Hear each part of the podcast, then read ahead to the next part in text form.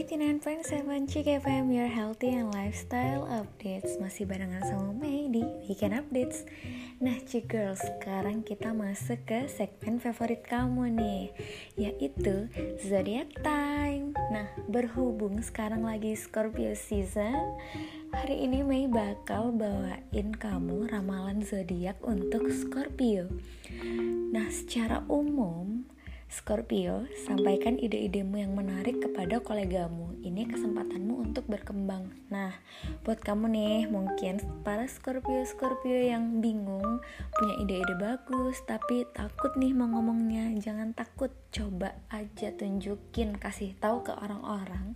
Siapa tahu itu bakal jadi kesempatan kamu buat berkembang. Nah, untuk percintaan nih buat yang single, cobalah untuk menghabiskan waktu bersama dengan teman dan sahabat. Dan untuk yang nggak single, kamu merencanakan liburan dengan pasangan, tetapi pilihan tempat wisata bisa jadi perdebatan.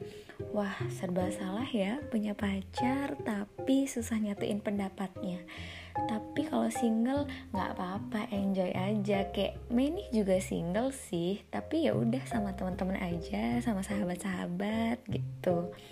Terus yang terakhir dari segi keuangan yaitu siapkan dana untuk berlibur. Lakukan dengan menabung sedikit demi sedikit. Wah kalau itu sih kayaknya nggak cuma buat Scorpio ya tapi buat kita semua. Nah kita bisa berdoa semoga pandemi ini cepat selesai. Jadi kita bisa liburan dengan luasa deh, Girls.